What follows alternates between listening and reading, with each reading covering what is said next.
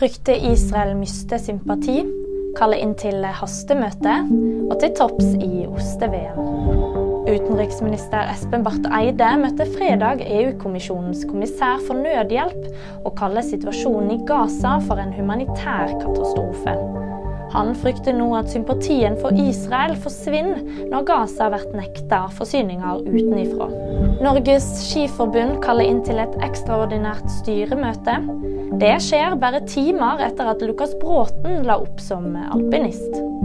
Grunnen til oppsigelsen skal ifølge Bråten være en langvarig konflikt mellom alpinisten og Skiforbundet. En blåmuggost fra Trøndelag stakk av med seieren i årets oste-VM.